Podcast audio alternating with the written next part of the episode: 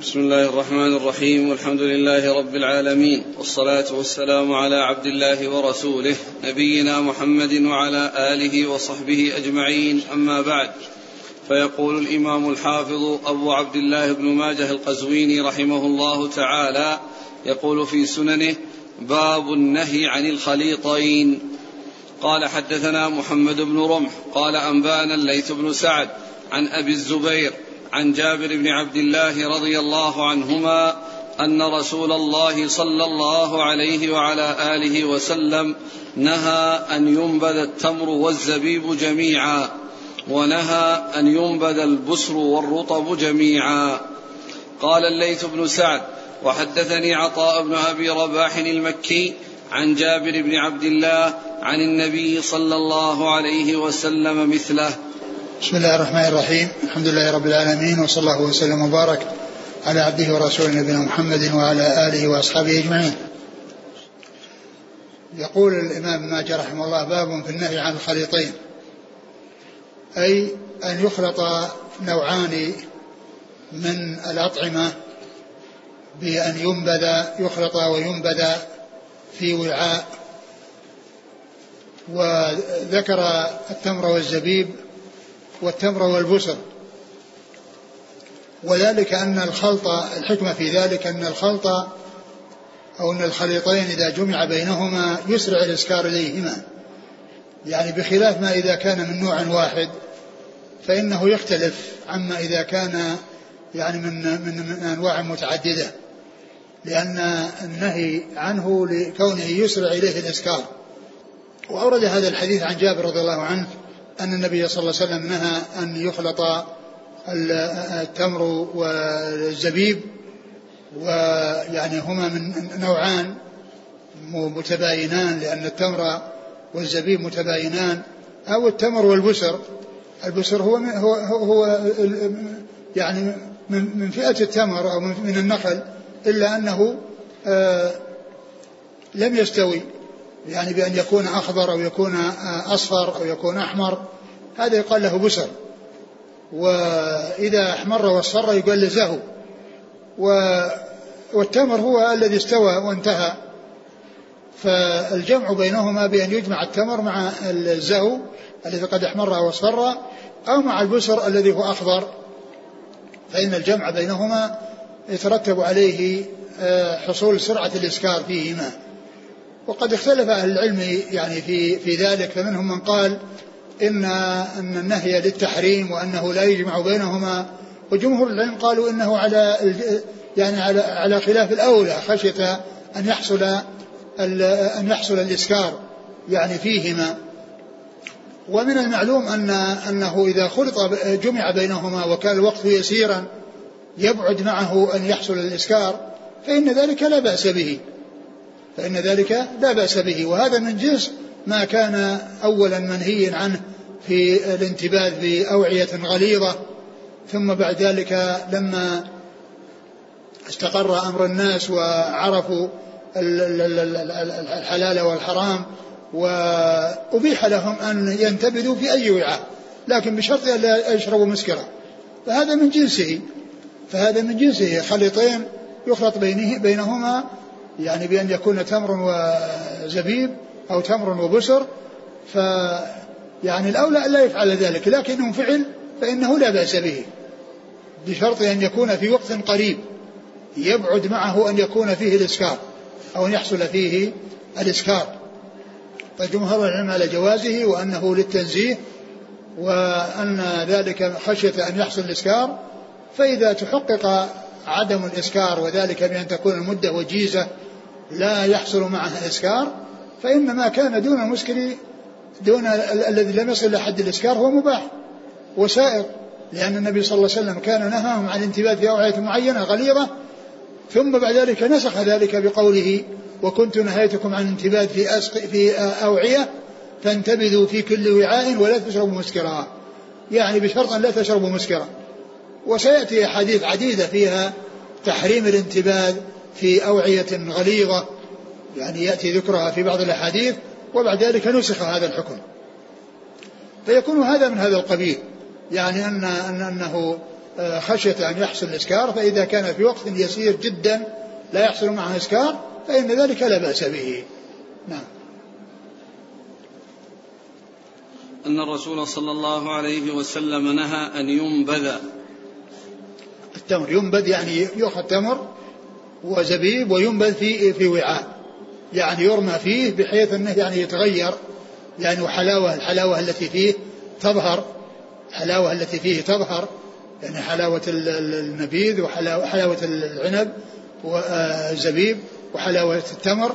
فإنها تختلط وتتفتت حتى يصير يعني ماء حلوا. فإذا كان في وقت قريب إذا كان في وقت قريب لا يحصل معه إسكار فإنه مباح.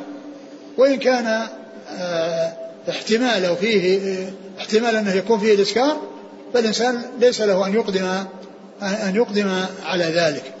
والنبذ هو رميه وطرحه في وعاء بأن يجمع هذا مع هذا. أما إذا كان كل واحد منهما على حدة ف فإن ذلك سائغ لكن بشرط ألا يصل إلى حد الإسكار. ونهى أن ينبذ البسر والتمر. البسر والرطب. البسر البسر والرطب. الرطب اللي هو المستوي والذي هو حديث حديث الإرطاب لأن التمر هو الذي يعني مضى عليه وقت ويبس والرطب هو الذي آه، انتقل من كونه زهوا إلى كونه رطبا. فكونه يجمع بين الرطب وبين البسر يعني هما خليطان ومنع من ذلك لئلا يحصل إسكار وإذا كان في وقت وجيز لا يحصل معه إسكار فإنه لا بأس له. البسر. البسر هو ال ال ال ثمر النخل الذي لم يصل إلى أن يكون رطبا سواء كان زهوا اللي هو أحمر وأصفر أو أخضر الذي لم يصل إلى حد الزهو. هذا هو البسر. قال حدثنا محمد بن رمح. محمد بن رمح المصري ثقة أخرجه مسلم وابن ماجه. عن الليث بن سعد. ثقة أخرج أصحاب الكتب. عن أبي الزبير. محمد بن مسلم بن تدر الصدوق أخرج أصحاب الكتب. عن جابر بن عبد الله. رضي الله عنهما وهو أحد المكثرين من أصحاب رسول الله صلى الله عليه وسلم. قال الليث بن سعد وحدثني عطاء بن أبي رباح المكي. عطاء بن أبي رباح المكي ثقة أخرج أصحاب الكتب. عن يعني جابر. عن جابر رضي الله عنه الحديث له طريقان. عن عن الليث يعني يرويه عن أبي الزبير عن جابر ويرويه عن عطاء بن أبي رباح عن جابر. قال حدثنا يزيد بن عبد الله اليمامي قال حدثنا عكرمة بن عمار عن أبي كثير عن أبي هريرة رضي الله عنه أنه قال قال رسول الله صلى الله عليه وعلى آله وسلم لا تنبذوا لا تنبذوا التمر والبصر جميعا وانبذوا كل واحد منهما على حدته. وهذا فيه يعني مثل الذي قبله. لا تنبذوا التمر والبصر جميعا وانبذوا كل واحد على حدته. يعني لأنه إذا جمع بينهما يسرع إليه الإسكار. وكما عرفنا إذا كان الوقت قريبا ويسيرا ولا يحصل معه ويجزم بأنه لم يصل إلى حد الإسكار فإنه مباح نعم قال حدثنا يزيد بن عبد الله اليمامي وهو مقبول أخرجه ابن ماجه. نعم. عن عكرمة بن عمار. وهو صدوق. أخرج البخاري تعليق على مسلم وأصحاب السنن. عن أبي كثير. وهو السحيمي وهو ثقة أخرج البخاري المفرد ومسلم وأصحاب السنن. نعم. عن أبي هريرة. رضي الله عنه وهو عبد الرحمن بن صخر الدوسي أكثر الصحابة حديثا. وهذا الإسناد بعينه مر في درس الدرس الماضي. هنا قال بكثير وهنا قال بكثير السحيمي. هنا قال بكثير دون نسبة وفي الإسناد الأول قال بكثير السحيمي والإسناد هو نفسه. الإسناد في حديث في حديث مضى بالأمس. قبل أو, أو قبل الأمس. نعم. قال حدثنا هشام بن عمار قال حدثنا الوليد بن مسلم قال حدثنا الأوزاعي عن يحيى بن أبي كثير عن عبد الله بن أبي قتادة عن أبيه رضي الله عنه أنه سمع رسول الله صلى الله عليه وعلى آله وسلم يقول لا تجمعوا بين الرطب والزهو ولا بين الزبيب والتمر وانبذوا كل واحد منهما على حدته. ثم ذكر حديث أبي قتادة لا تجمع بين الرطب والزهو بين التمر والزهو. تمر ولا رطب؟ الرطب والزهو. الرطب والزهو.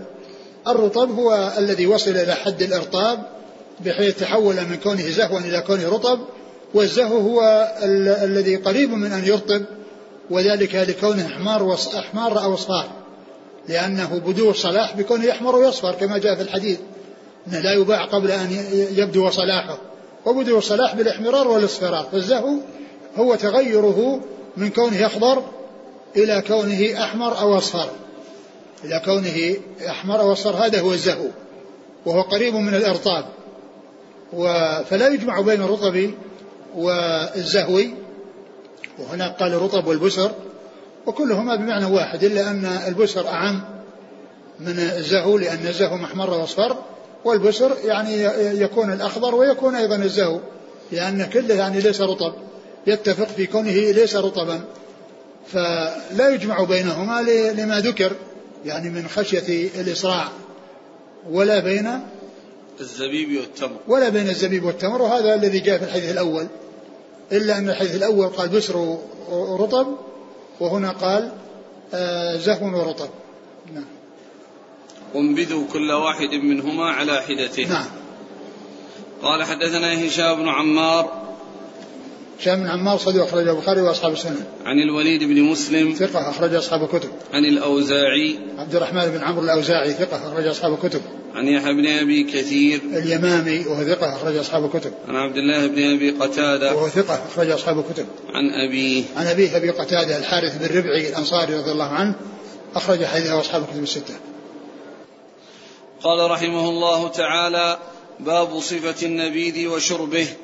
قال حدثنا أبو بكر بن أبي شيبة قال حدثنا أبو معاوية حا قال وحدثنا محمد بن عبد الملك بن أبي الشوارب قال حدثنا عبد الواحد بن زياد قال حدثنا عاصم الأحول قال حدثتنا بنانة بنت يزيد العبشمية عن عائشة رضي الله عنها أنها قالت كنا ننبذ لرسول الله صلى الله عليه وسلم في سقاء فنأخذ قبضة من تمر أو قبضة من زبيب فنطرحها فيه ثم نصب عليه الماء فننبذه غدوة فيشربه عشية وننبذه عشية فيشربه غد- غدوة. وقال أبو معاوية نهارا فيشربه ليلا أو ليلا فيشربه نهارا. وهذا قال باب صفة النبيذ و, و شربه. وشربه.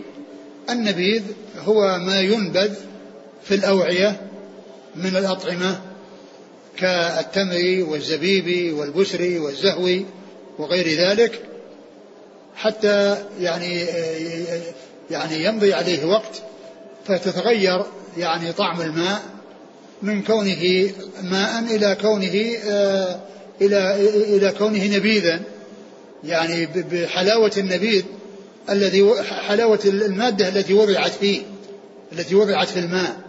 هذا هو النبيذ فإن وصل إلى حد الإسكار فهو حرام. وإن لم يصل إلى حد الإسكار فهو مباح. ما وصل منه إلى حد الإسكار فهو محرم. وما لم يصل إلى حد الإسكار فإنه مباح. وقد جاء في هذا الحديث ال- هذا الحديث عن عائشة. نعم. عن عائشة رضي الله عنها أنهم كانوا ينبذون للنبي صلى الله عليه وسلم في سقاء. يعني في سقاء يعني اللي هو السقاء الذي يكون فيه اللبن والحليب أو الذي يكون فيه الماء الذي يكون من جلد. كانوا ينبذون له في سقاء قالت فكنا نأخذ الحفنة من الزبيبة والحفنة من التمر فنضعها فيه. ثم إذا كانوا وضعوها في الصباح أسقوه إياه في المساء. وإن كانوا أسقوه إياه في المساء أسقوه يعني في الصباح. يعني معناها أنه يعني يمضي عليه يوم أو يمضي عليه ليلة. يمضي عليه يوم لكونه وضع في الصباح وشرب في المساء أو وضع في المساء وشرب في الصباح فيكون مضى عليه يوم أو ليلة. فكانوا يفعلون ذلك معه صلى الله عليه وسلم وأنهم ينبذون له يعني هذا هذا هذا النوع من الأطعمة الزبيب والتمر. فيعني يكون حلوا يكون حلوا فيشربه عليه الصلاة والسلام. ويقال له نبيذ ولهذا جاء في قصة عمر رضي الله عنه لما طعن قالوا فكانوا يسقونه الماء فيخرج من جوفه ويسقونه النبيذ فيخرج من جوفه. المقصود ذلك النبيذ هو ماء يعني يكون معه آه، تمر يعني آه، يخلط به حتى يعني تنتقل حلاوته إلى الماء فيشرب الماء. قالوا كان يسقونه النبيذ فيخرج من جوفه. المقصود بالنبيذ هو هذا الذي آه، حصلت فيه الحلاوة يعني للماء من التمر سواء كان مكث مدة أو أنهم يعني عصروه فيه حتى صار يعني آه، لونه تغير. لكن في الأصل في الغالب أن النبيذ هو الذي ينبذ ويطرح حتى يتغير لونه وحتى يتغير طعمه من كونه ماء إلى إلى طعم الشيء الذي خلط به أو مما نبذ فيه ورمي فيه. فكانوا يفعلون ذلك معه صلى الله عليه وسلم. فيكون يعني معناه أنه إذا فعل في أول النهار وصار في آخر النهار معناه لا يصل لحد الإسكار وكذلك إذا فعل في آخر النهار وشرب في الصباح فكان ينبذ في الصباح ويشرب في المساء أو ينبذ في المساء ويشرب في الصباح قال في صفة النبيذ وشربه نعم قال حدثنا أبو بكر بن أبي شيبة ثقة أخرج أصحاب الكتب إلا الترمذي. عن أبي معاوية محمد بن خازم الضرير ثقة أخرج أصحاب الكتب. قال وحدثنا محمد بن عبد الملك بن أبي الشوارب هو؟ صدوق رواه مسلم والترمذي والنسائي بن ماجه. نعم.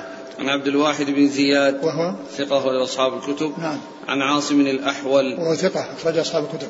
عن بنانة بنت يزيد العبشمية. وهي مجهولة أو مقبولة؟ قال لا تعرف. لا مجهولة نعم. لا تعرف. قال ابن ماجه. نعم. عن عائشة. عن عائشة رضي الله عنها أم المؤمنين الصديقة بنت الصديق وهي ممن أكثر الرواية عن رسول الله عليه الصلاة والسلام وال والحديث وإن كان في إسناد هذا الذي تعرف إلا أنه يعني آه، ثابت لأنه وجد ما يؤيده وبل بل وجد يعني ما يدل على ما هو أكثر من ذلك في هذه المدة وهو الحديث الذي بعد هذا. قال حدثنا أبو كريب عن إسماعيل بن صبيح, بن صبيح عن أبي إسرائيل عن أبي عمر البهراني عن ابن عباس رضي الله عنهما أنه قال كان ينبذ لرسول الله صلى الله عليه وسلم فيشربه يومه ذلك والغد واليوم الثالث فإن بقي منه أهراقه أو أمر به فأهريق. ثم ذكر هذا الحديث عن ابن عباس. أن النبي صلى الله عليه وسلم كان ينبذ له ينبذ له فيشرب اليوم ومن الغد و وصباح واليوم الثالث. واليوم الثالث. فإن بقي شيء أهراقه أو أمر به فأهريق. يعني أنه يعني لأنه هناك يخشى أن يصل إلى حد الإسكار. لأنه مضى عليه وقت. مضى عليه وقت. وهذا يدل على أنه إذا كان في حالة يعرف أنه لا يصل فيها إلى حد الإسكار فإنه لا بأس من باستعماله. وإن كان وصل إلى حد الإسكار أو ظن أو غلب على الظن أنه يصل إلى حد الإسكار فإنه يجتنب ولا يقدم على شربه. ثم إنها أنه فرق بين يعني هنا فرق بين هذا الحديث والحديث الأول. الحديث الأول يعني ينبذ في الصباح ويشرب في المساء أو في المساء ويشرب في الصباح وهذا يعني في اليوم الثالث. يعني أنه يستعمل في اليوم الثالث وإن بقي شيء أريق. فجمع بينهما بين هذا وهذا بأن قيل إن هذا يعني الذي هو اللي هو في اليوم يعني في في, في اليوم الليلة أو في في الحديث الأول إذا كان مثلا في في يعني في, في, في الصيف وشدة الحرارة ويخشى أن يحصل فيه الإسكار فإنه تقلل المدة. وإذا كان مثلا في الشتاء والصيف باردا والجو باردا فإنه تطول معه المدة تطول معه المدة. وقيل يعني في التوفيق بينهما أن الأول يعني لا يدل على مخالفة الثاني لأنه يدل على بعض الوقت وأنه جزء من الوقت الذي حصل للأول فيكون لا تنافي بينه وبين الثاني. لأن هذا فعله في وقت يسير وذاك فعله في وقت يعني يعتبر آه، النهاية التي ليس بعدها شيء التي ليس بعدها شيء وأنه إذا بقي شيء يراق.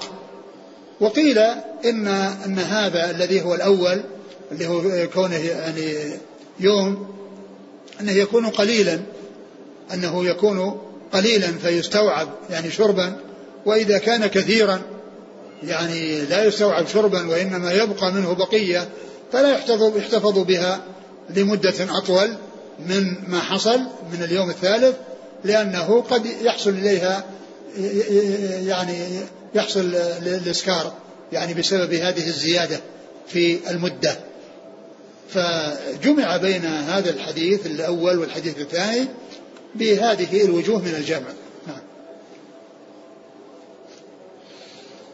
قال حدثنا أبو كريب محمد بن العلاء بن كريب ثقة أخرج أصحاب الكتب وهو شيخ لأصحاب الكتب. هو شيخ لأصحاب الكتب الستة. والذين آه، كانوا آه، شيوخا لأصحاب الكتب الستة تسعة. يعني منهم أبو كريب هذا محمد بن العلاء ومحمد بن بشار ومحمد بن مثنى وعمرو بن علي الفلاس ويعقوب بن إبراهيم الدورقي و آه، زياد بن يحيى النكري ومحمد بن معمر البحراني و وبقي اثنان من العشرة الذين من التسعة الذين هم شيوخ لأصحاب الكتب الستة يعني روى عنهم مباشرة وبدون واسطة. من يذكرنا بالاثنين الباقيين؟ نعم. من هو؟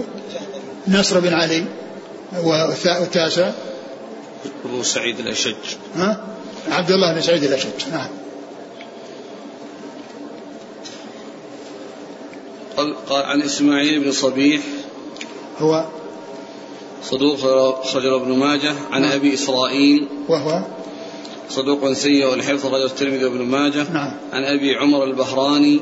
وهو يحيى بن عبيد وهو صدوق له مسلم وداود والنسائي بن ماجه. نعم. عن ابن عباس.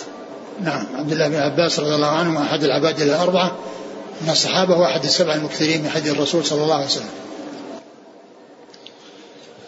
قال حدثنا محمد بن عبد الملك بن أبي الشوارب قال حدثنا أبو عوانة عن أبي الزبير عن أجابر بن عبد الله رضي الله عنهما أنه قال كان ينبذ لرسول الله صلى الله عليه وسلم في تور من حجارة.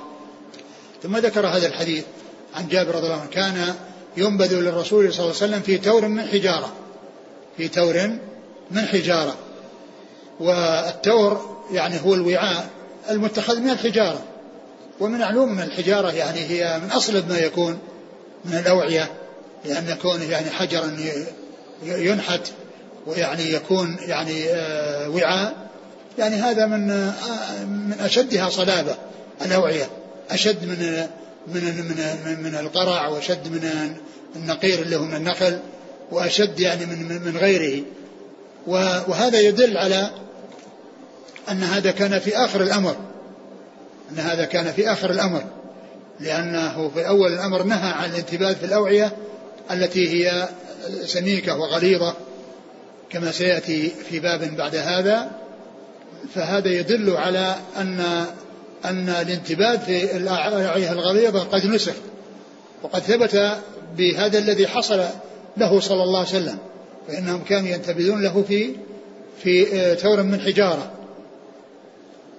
و وجاء أنهم كانه منع من استعمال أوعية معينة ثم نسخ ذلك في حديث بريدة بن حصيب الذي قال فيه النبي صلى الله عليه وسلم وهو سيأتي كنت نهيتكم عن ادخار لحوم الأضاحي فوق ثلاثة لا فادخروا وكنت نهيتكم عن زيارة القبور فزوروها فإن تذكركم الآخرة وكنت نهيتكم عن الانتباه في أوعية فانتبذوا في كل وعاء ولا تشربوا مسكرا.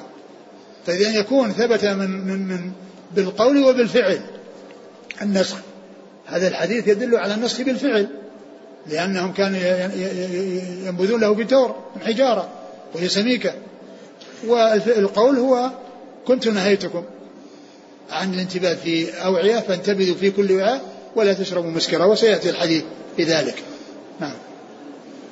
قال حدثنا محمد بن عبد الملك بن أبي الشوارب عن أبي عوانة. هو الوضاح بن عبد الله اليشكري هو ثقة. أخرج أصحاب الكتب. عن أبي الزبير عن جابر. نعم. وأبو الزبير هنا مدلس ولكنه جاء التصريح عنه يعني عند يعني جماعة من المحدثين. نعم. قال رحمه الله تعالى باب النهي عن نبيذ الأوعية. قال حدثنا أبو بكر بن أبي شيبة قال حدثنا محمد بن بشر عن محمد بن عمرو عن قال حدثنا أبو سلمة عن أبي هريرة رضي الله عنه أنه قال نهى رسول الله صلى الله عليه وعلى آله وسلم أن ينبذ أن ينبذ في النقير والمزفة والدباء والحنتمة وقال كل مسكر حرام. ثم ذكر آه، باب ما, ما باب النهي عن نبيذ الأوعية. باب النهي عن نبيذ الأوعية. يعني عن النبيذ الذي يكون في بعض الأوعية. لأن بعض الأوعية مثل السقاء مثل الأسقية هذه يعني وعاء ولكنه ما جاء النهي عنها بل كانت مباحة يعني من أول الأمر. وإنما الذي نهي عنه نوع من الأوعية وهي الصلبة. كالحنتم كال كال كال أول شيء. النقير النقير وهو ما ينقر من من من أصول الشجر كجذوع النخل. يعني ينقر وسطه فيكون وعاء ينبذ به. أو يعني من الشجر السميك العريض فينقر وسطه ويبقى جوانبه يعني يكون وعاء. ينبذ به يعني ما ينقر من النخل من أصول النخل أو من الشجر الذي هو سميك يعني الساق يعني بحيث يعني ينقر يعني وسطه فينبذ به.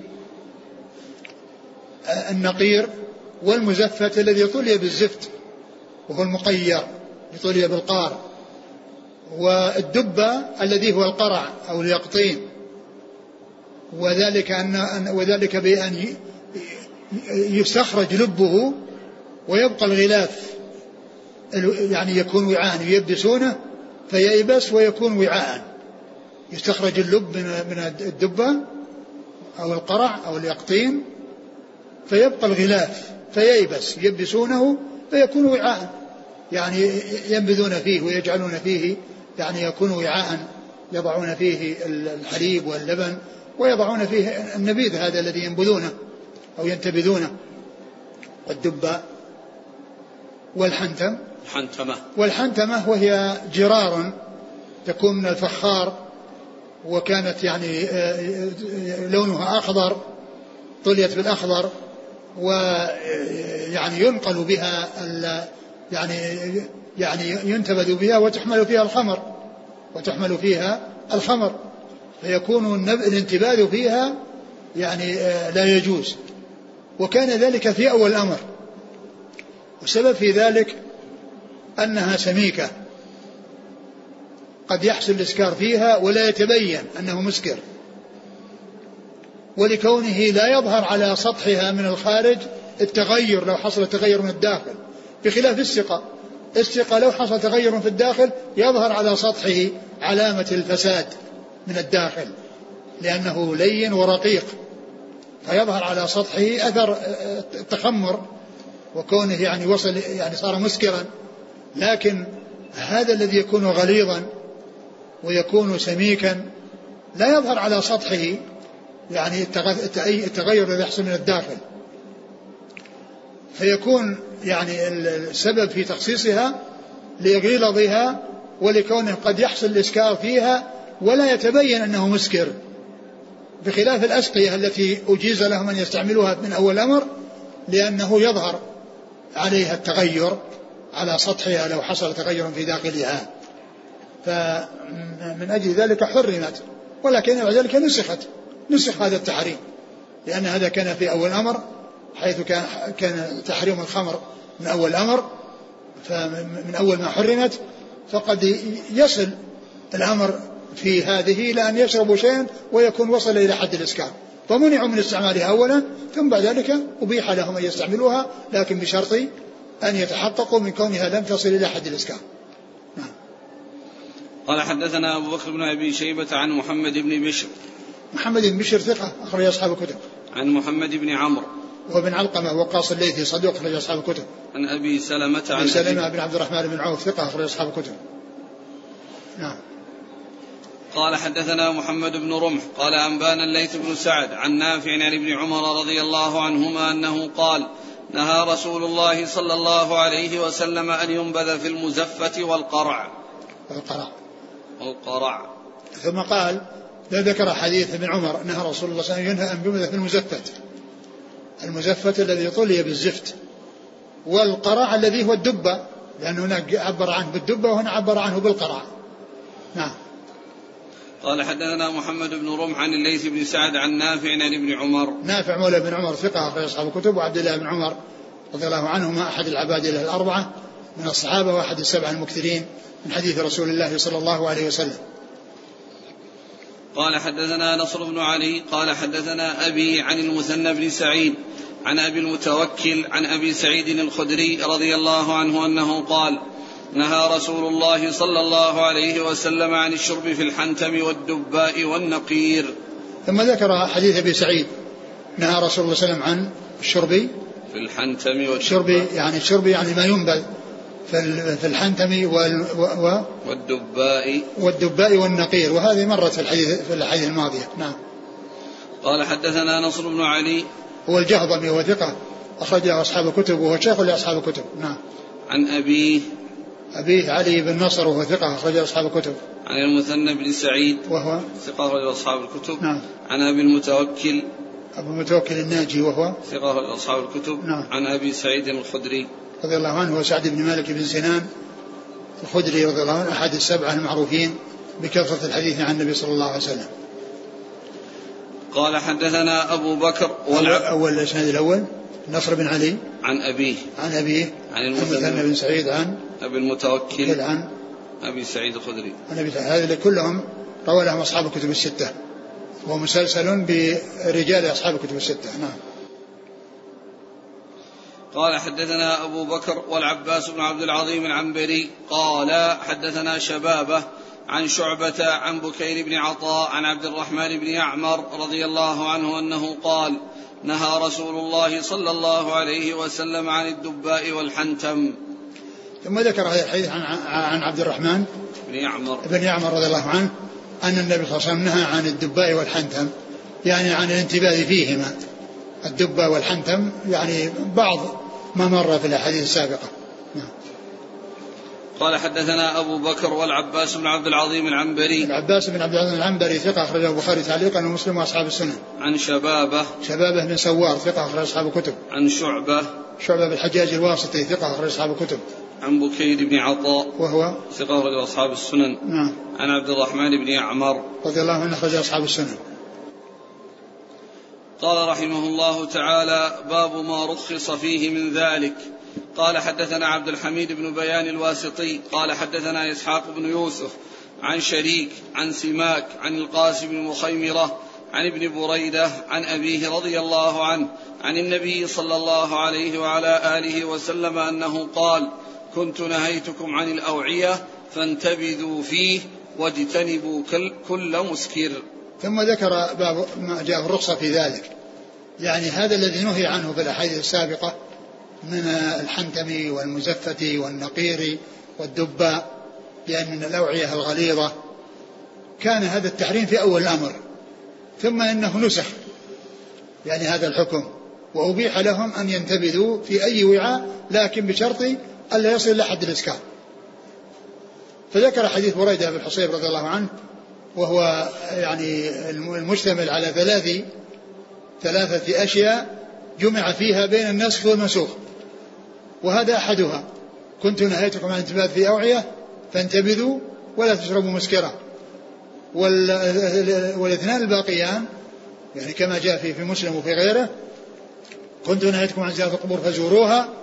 وكنت نهيتكم عن ادخار لحوم الأضاحي فوق ثلاثة لا فادخروا. وكنت نهيتكم عن الانتباه في أوعية فانتبذوا في أي وعاء ولا تشربوا مسكرا. نعم. قال حدثنا عبد الحميد بن بيان الواسطي. هو؟ صدوق له مسلم وداود بن ماجه. نعم. عن إسحاق بن يوسف. الأزرق وهو ثقة أصحاب الكتب. عن شريك. وهو النقعي آه، صدوق أخرجه البخاري تعليقا ومسلم وأصحاب السنة. عن سماك سماك بن حرب وهو صدوق أخرجه البخاري تعليقا ومسلم وأصحاب السنن. عن القاسم بن مخيمرة وهو ثقة أخرج له. البخاري تعليقا مسلم وأصحاب السنن. نعم. عن ابن بريدة. عن ابن بريدة عبد الله بن بريدة ثقة أخرج أصحاب الكتب. سليمان. سليمان هو. في المزي. نعم نعم. تحفة الأشراف. نعم هو سليمان لكن جاء في صحيح مسلم أنه روى عن عن الحديث روى يعني رواه الأخوان عن أبيهما لكن يعني هذا اللفظ وهذا الإسناد يعني هو سليمان. سليمان أخرجه مسلم والبخاري تعليقا. مسلم والأربعة. ما في البخاري تعليقا؟ لا. أخرجه مسلم وأصحاب السنة. وأيضا هو في صحيح مسلم جاء من من طريق الأخوين عن أبيهما وكل منهما ثقة إلا أن عبد الله أخرج أصحاب الكتب وأما سليمان أخرجه مسلم وأصحاب السنة. عن أبيه بريدة بن الحصيب الأسلمي رضي الله عنه أخرج أصحاب الكتب. قال حدثنا يونس بن عبد الأعلى قال حدثنا عبد الله بن وهب قال أنبانا بن جريج عن أيوب بن هانئ عن مسروق بن الأجدع عن ابن مسعود رضي الله عنه أن رسول الله صلى الله عليه وسلم قال إني كنت نهيتكم عن نبيذ الأوعية ألا وإن وعاء لا يحرم شيئا كل مسكر حرام. ثم ذكر حديث مسعود رضي الله عنه كنت نهيتكم عن انتباه في الأوعية وإن وعاء لا يحرم شيئا وكل مسكر حرام. يعني أن أنه لم يكن النهي من أجل الأوعية أو من أجل يعني وإنما هو من أجل ما يخشى من بعض الأوعية أنه يصل إليها حد الإسكار. ولكن بعد ذلك بعدما يعني استقر أمر الخمر وبعد وقت تحريمها وابتعدوا عنها آه، أبيح لهم أن ينتبذوا في كل وعاء لكن بشرط ألا يشربوا مسكرا. فهو مثل ومثل حديث بريدة. نعم. قال حدثنا يونس بن عبد الأعلى. هو الصدفي وهو ثقة مسلم والنسائي بن ماجه. نعم. عن عبد الله بن وهب. وهو ثقة أخرج أصحاب الكتب. عن ابن جريج. وهو عبد الملك بن عبد عبد عبد عبد الملك بن عبد العزيز بن جريج ثقة أخرج أصحاب الكتب. عن أيوب بن هانئ. وهو صدوق فيه لين. نعم. ابن ماجه. نعم. عن مسروق بن الأجدع. وهو ثقة أخرج أصحاب الكتب. عن ابن مسعود. رضي الله تعالى عنه الهذلي عبد الله بن مسعود الهذلي وحديث أخرج أصحاب الكتب وهذا الإسناد مر في درس أمس وهو الذي قال فيه آه، ابن ماجه هذا حديث حديث المصريين. نفس هذا الإسناد. هذا هو نفس الإسناد وقال عنه هناك هذا حديث المصريين. قال رحمه الله تعالى باب نبيذ الجر. قال حدثنا سويد بن سعيد قال حدثنا المعتمر بن سليمان عن أبيه أنه قال حدثتني رميثة عن عائشة رضي الله عنها أنها قالت أتعجز إحداكن أن تتخذ كل عام من جلد أضحيتها سقاء ثم قالت نهى رسول الله صلى الله عليه وسلم أن ينبذ في الجر وفي كذا وفي كذا إلا الخل.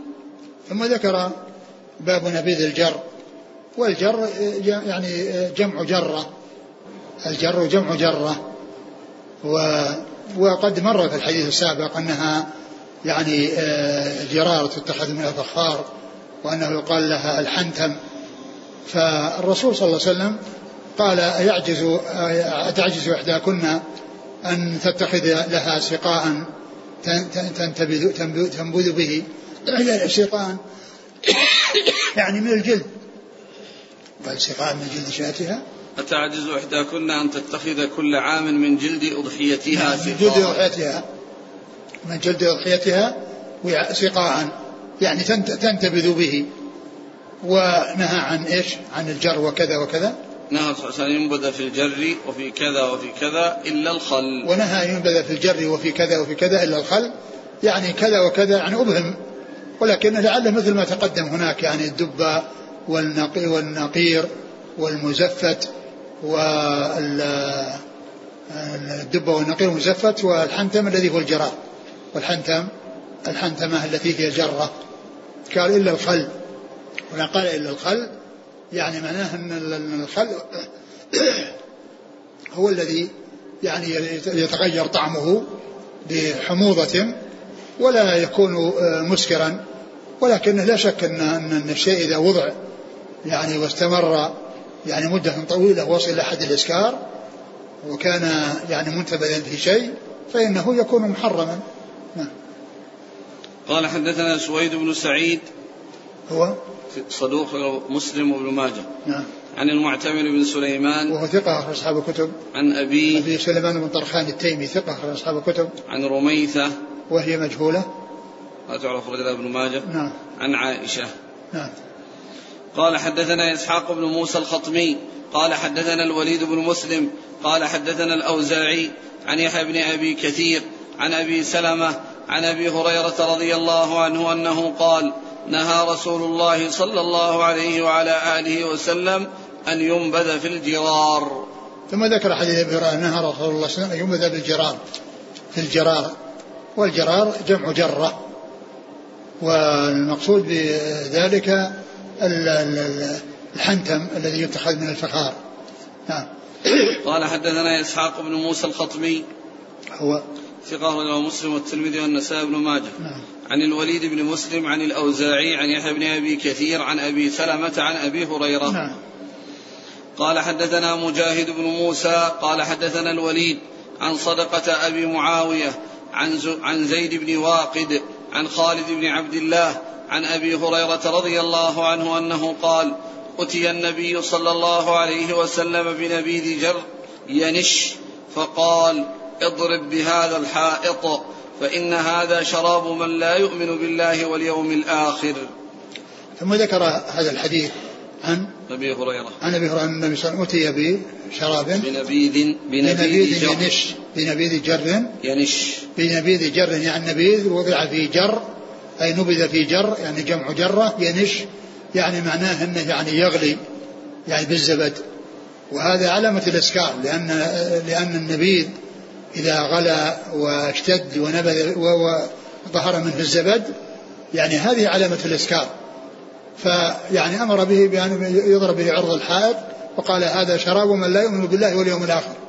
يعني معناه هذا الخمر التي لا يحل لمن يؤمن بالله واليوم الآخر أن آه، يتعاطاها أو أن يقدم عليها وأن الذي يتعاطاها هو الذي يكون هذا وصفه وهو كونه لا يؤمن بالله واليوم الآخر. ف يعني يدل على آه، ما كان في الجرار ووصل إلى حد الإسكار فإنه يكون محرما ولكنه إذا لم يصل إلى حد الإسكار فإنه يكون مباحا كما سبق أن مر في آه، الحديث الناسخة. ولكون النبي صلى الله عليه وسلم انتبذ له في في في جر ذاك الحديث الذي مر بنا أن النبي صلى الله عليه وسلم انتبذ له في في في في جر أو في جرة. هنا؟ لا قبل يعني ذلك في آخر آخر حديث مر قبل الانتباه في الأوعية. آخر حديث فيها. كان في تور من حجارة نعم في تور من حجار تور هذا مو ليس من ال- ال- الحنتم. نعم. بل هو أشد من الحنتم لأن الحجارة أشد من الفخار. نعم. قال حدثنا مجاهد بن موسى. هو؟ ثقة أخرجه مسلم وأصحاب السنن. نعم. عن الوليد عن صدقة بن معاو عن صدقة أبي معاوية. وهو؟ ضعيف وله الترمذي والنسائي بن ماجه. نعم. عن زيد بن واقد. زيد بن واقد هو؟ ثقة أخرجه البخاري وأبو داود نعم. والنسائي بن ماجه. نعم. عن خالد بن عبد الله. خالد بن عبد الله هو؟ مقبول أخرجه أبو داود والنسائي بن ماجه. نعم والحديث وكل منهما قد توبع فالحديث ثابت. وما وصل إلى حد الإسكار وظهرت عليه علامة الإسكار ككونه يعني يغلي ويقذف بالزبد ويشتد ويظهر منه الزبد. فهذا علامة إسكاره نعم. قال رحمه الله تعالى باب تخمير الإناء. والله تعالى أعلم وصلى الله وسلم وبارك على عبده ورسوله نبينا محمد وعلى آله وأصحابه أجمعين. جزاكم الله خيرا وبارك الله فيكم. ألهمكم الله الصواب وفقكم للحق. نفعنا الله ما سمعنا وغفر الله لنا ولكم وللمسلمين أجمعين. آمين آمين. يقول السائل هل هناك فرق بين النبيذ والنقيع؟ ما أدري ما النقيع يعني هو هو النبيذ ينبذ والنقيع النقع يعني في في في شيء يعني كونه يصير تمر وكذا. ما أدري يعني إيش التحديد يعني معنى النقيع النقيع إلا أن يكون يعني هذا الذي هو ينقع يعني به ماء فيكون يعني آه، معناه هو معنى النبي. يقول ما رأيكم بخلط العصيرات المختلفة وكذلك اللبن معها في إناء واحد وقد يحصل فيه استرخاء للشارب؟ آه الشيء الذي يكون فيه آه يعني ضرر يبتعد عنه الإنسان. يعني إذا كان هذا مجرب أنه في اجتماع هذا يحصل له استرخاء ويحصل له فتور يعني لا لا لا يصلح الإنسان أن يستعمل أي شيء يعني يجلب له الرخاوة والفتور نعم. يقول عندنا في البلد نضع التمر والماء ثم يطهى على النار فيصبح كالعصير وقد يبقى معنا أكثر من يوم وليلة ونحن نشرب منه فما حكمه؟ أبد إذا كان أنها إذا كان أنه لم يصل إلى حد الإسكار لأنكم أنتم تطبخونه ولكنه يعني تذهب تلك الحرارة ويبقى يعني التمر في وسط الماء وقد يعني يمضي عليه وقت فإن كان يعني يسكر ويصل إلى حد الإسكار فذلك لا يجوز وإذا كان لا يصل إلى حد الإسكار فإنه لا, لا بأس به. يقول هل يكون النهي عن نبيذ الأوعية دليل على سد الذرائع؟ نعم هو من أدلة سد الذرائع لكن هذا نسخ كان ذريعة في الأول لما كان الناس يعني حديث عهد بتحريمها وأنهم يعني قد يعني يحصل لهم أنه يصل لحد الإسكار فلا يتنبهون له فسد فسدت الوسيلة أو يعني منعت الوسيلة التي توصل إلى الإسكار.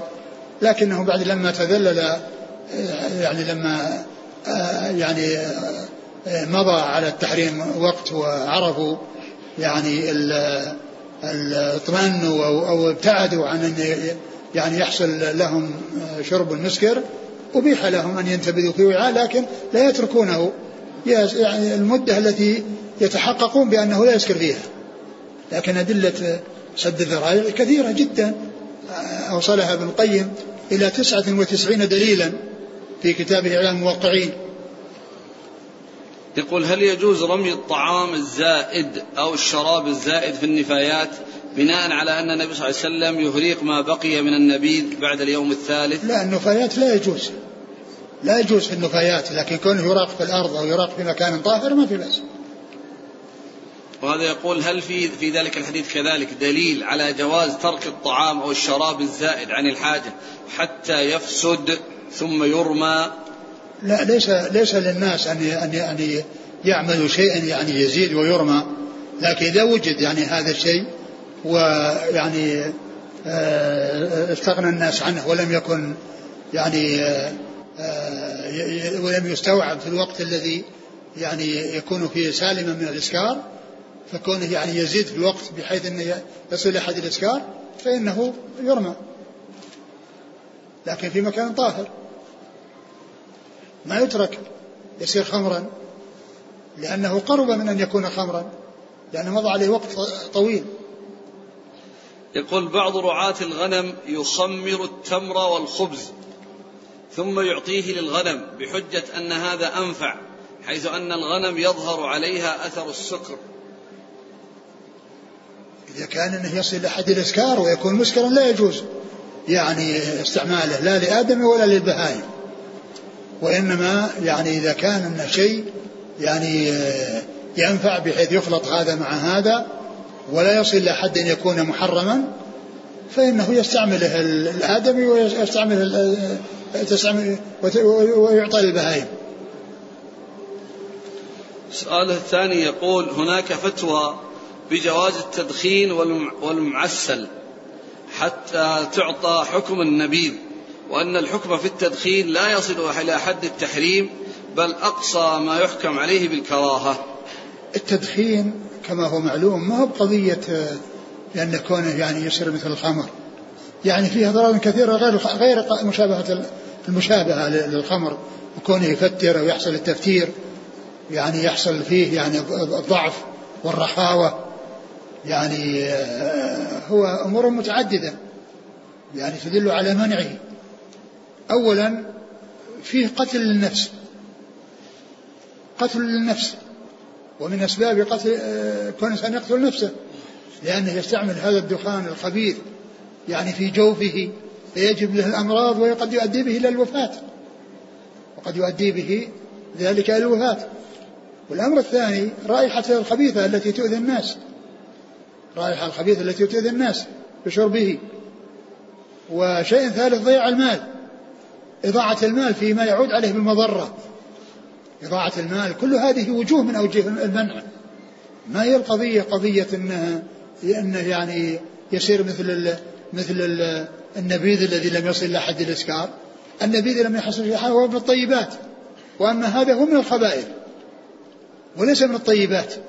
ومن يقول أن, أن الدخان من الطيبات؟ أبدا هو من الخبائث. فهو محرم لأنه من الخبائث ومحرم لأن فيه قتل النفس ومحرم لأن فيه ضاعة المال ومحرم لأن فيه إيذاء الناس. بل يعني إضاعة المال فيه إضاعة المال فيه يعني جمع بين المصيبتين إضاعة بالمال الذي ضاع وبكونه قتل للنفس.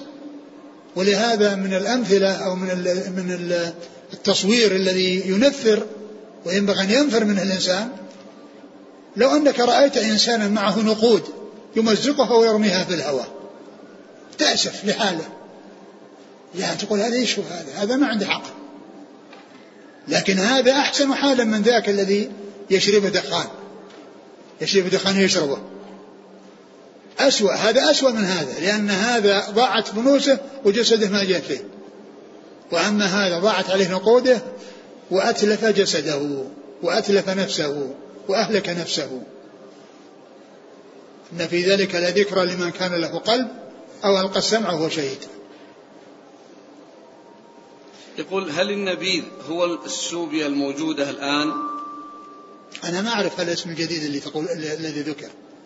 النبيذ المباح هو الذي عرفنا أنه آه، نبذ آه، تمر أو زبيب أو شيء من الأشياء المطعومة بحيث أنه لا يمضي عليها وقت تصل إلى حد الإسكار.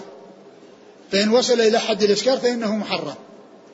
أما يعني آه هذا الذي ذكر فإن كان يسكر فإنه حرام وإن كان لا يسكر فهو مباح. يقول شراب الشعير بدون كحول.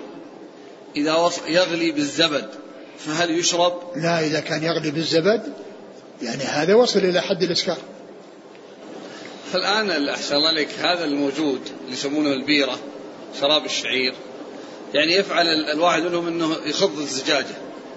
فإذا خضها ها صار لها رغوة. لا لا هذا غير كونه يخض شيء يطلع حتى حتى اللبن ولا شيء من هذا يطلع له رغوة. إذا مو هذا المقصود. لا بس هذاك اشتد من من من من من, من كونه يعني وصل إلى حد الإسكار. وأما هذا بسبب الرج هذا مو هذا هو نفسه يعني هو نفسه في الوعاء ويظهر يزبد يظهر زبد. وهو جال يعني باقي على وضعه. أما كونه يعني نفس الشيء ذا هذا طلع له رغوة. نفس الآن الحليب. يظهر له رغوة شديدة فوق تطفح تطفح فوقه يعني نعم هذا يقول شراب الشعير الذي يباع الآن بالأسواق بدون كحول هو غير مسكر لكن الوعاء الزجاجي الذي يوضع به الشراب في غير هذه البلاد يشبه زجاجات الخمر. فالإشكال في الوعاء فقط فلأجل ذلك يكثر السؤال أو حتى الاسم بيرة. على كل الاسم يعني العبرة بالحقيقة لا بالاسم. العبرة بالحقائق لا بالأسماء. فإذا كان يسكر فإنه حرام ولو سمي بأي اسم. وإن كان لا يسكر فهو حلال وإن سمي بغير بأي اسم. أمس مر معنا لكن كونه يسمى خمر أيضا تسمية قبيحة. يعني شيء لا يسكر قال له خمر هذا تسمية قبيحة. ويجتنب الشيء الذي مكتوب عليه خمر. يعني وإن كان يعني أنه بخلاف ذلك. نعم. حديث سمرة بالأمس وأنه باع الخمر نعم. قول عمر. نعم. آه يقول حافظ بن حجر في الفتح قال ابن الجوزي والقرطبي وغيرهما اختلف في كيفية بيع سمر للخمر على ثلاثة أقوال. أحدها أنه أخذها من أهل الكتاب عن قيمة الجزية فباعها معتقدا جواز ذلك. يعني والثاء غير واضح. يعني المسلم لا يأخذ الخمر من أهل الكتاب ويعني لا جزية ولا غير جزية. الحرام حرام. نعم. والثاني غير واضح. الكلام نعم. قال الخطابي يجوز أن يكون باع العصير ممن يتخذه خمرا. نعم هذا قد يكون له وجه. يكون له وجه. يعني كونه لكنها لكنه قال باع خمرا يعني لعله باعتبار ما يؤول إليه. يعني كونه يعني عصير أو عنب مما يتخذه خمرا يعني باعتبار ما يؤول إليه. ويكون هذا من من من الوسائل المحرمة التي تؤدي إلى الغايات المحرمة. ولا يجوز بيع العنب ممن يتخذه خمرا. لا يجوز بيع العنب ممن يتخذه خمرا. نعم. والثالث أن يكون خلل الخمر وباعها. يمكن أيضا لأن التخليل بالفعل لا يجوز ولكن إذا تخللت بنفسها فإنها يعني آه، تباح. نعم. وقال القرطبي تبعا لابن الجوزي والأشبه الأول. الذي هو؟ آه أنه أخذ عن أهل الجزية أيه. بعيد أقول هذا أقول هذا بعيد. قلت ولا يتعين على الوجه الأول أخذها عن الجزية بل يحتمل أن تكون حصلت له عن غنيمة أو غيرها. يمكن أنها دخلت يعني في حتى لو كانت حتى جاءت غنيمة وعرف أنها خمر لا يجوز استعمالها.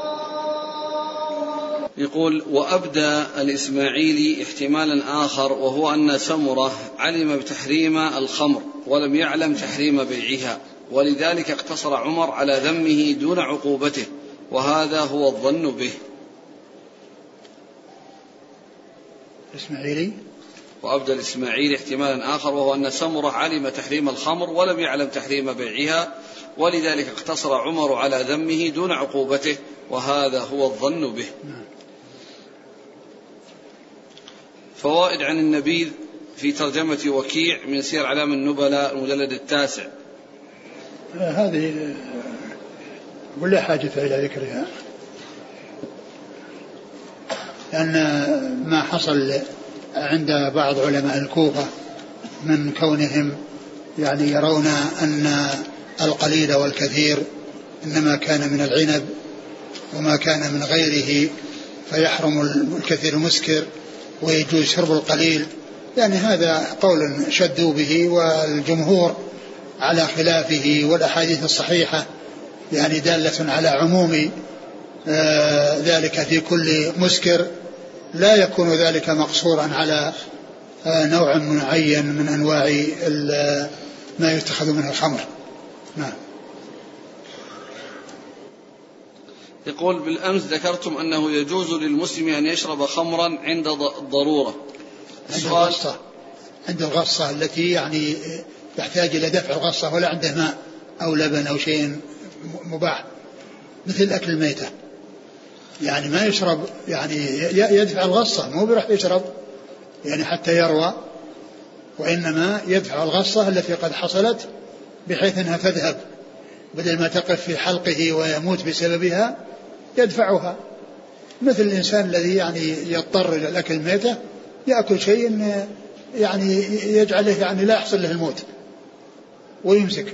نعم.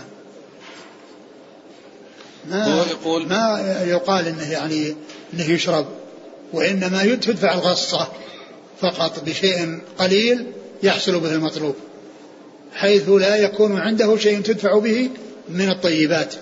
نعم إيش يقول؟ يقول وهل يجوز لنا أن نشرب الخمر قليلا في الشتاء لأنه تصل درجة البرودة إلى أربعين تحت الصفر؟ يقول كذا. طيب ولا تشربون ما تلقون تشربون الخمر؟ اشربوا من غير الخمر اشربوا من الطيبات. وهل الخمر هي التي تخفف البرودة؟ ما هي شيء يخففها؟ اشربوا زنجبيل واشربوا من الأشياء الطيبة. يقول يا شيخ أنا أدرس في بلاد غربة وتعودت أن من أبناء جلدتي من يسكر وصار عندي ذلك شيء طبيعي فهل أتركهم أو أبقى معهم؟ إذا كان يخالطهم فلا يخالطهم لأن هذا قرن سوء. أقول هؤلاء قرن سوء وجلساء سوء. يعني والرسول صلى الله عليه وسلم مثل لجليس السوء بنافق الكير إما أن يحرق ثيابك وإما أن على الأقل تشم منه رائحة كريهة رائحة خبيثة. فمثل هؤلاء لا يخالطون إذا كانوا يسكرون أولا عليك أن تنصحهم. تنصحهم أن يبتعدوا عن المسكر وأن وأن يبقوا على عقولهم التي منحهم الله إياها. فلا يعملون الأعمال التي تلحقهم بالبهائم والمجانين بفقدهم عقولهم بشرب الخمر الخبيثة هم الخبائث. فأنت المهم في عندك والذي ينبغي أن تفعله وتهتم به كثيرا أن تكون عونا لهم على ترك هذا الأمر المحرم وأن تدعوهم للخير وحتى يستفيدوا وأنت تستفيد بدعوتهم يعني أجرا وثوابا. نعم. السؤال الثاني يقول ما معنى الأعراف؟ ليش الأعراف. إيش المقصود بالأعراف؟ يعني المقصود الأعراف جمع عرف وهو ما تعرف عليه الناس. وإن كان المقصود به أصحاب الأعراف اللي جاء ذكرهم في القرآن فهم الناس الذين يعني يكونون على مكان يرون أهل الجنة ويرون أهل النار ويطمعون أن يكونوا من أهل الجنة ويقول ربنا اجعلنا مع القوم الظالمين. يقول السائل ما حكم لبس الفستان الأبيض في الفرح؟ آه، لبس النساء لهن أن يلبسن لباسهن المعتاد من أي لون كان ولكن لا يستعمل الشيء الذي فيه محذور يعني من ناحية أن يكون فيه آه، يعني آه، إظهار أجزاء يعني ضيقا أو يكون يعني مثلا في تشبه بالكفار وإلا فالأصل أن الألبسة يعني مباحة. كل ما يعني مختص بالنساء وكل ما يلبسه النساء فلهن لبسه لكن مع البعد عن الشيء الذي فيه آآ آآ تشبه بالكفار أو الذي الذي فيه إظهار شيء لا ينبغي أن يظهر بسبب هذا اللباس. جزاكم الله خيرا. سبحانك اللهم وبحمدك أشهد أن لا إله إلا أنت أستغفرك وأتوب إليك.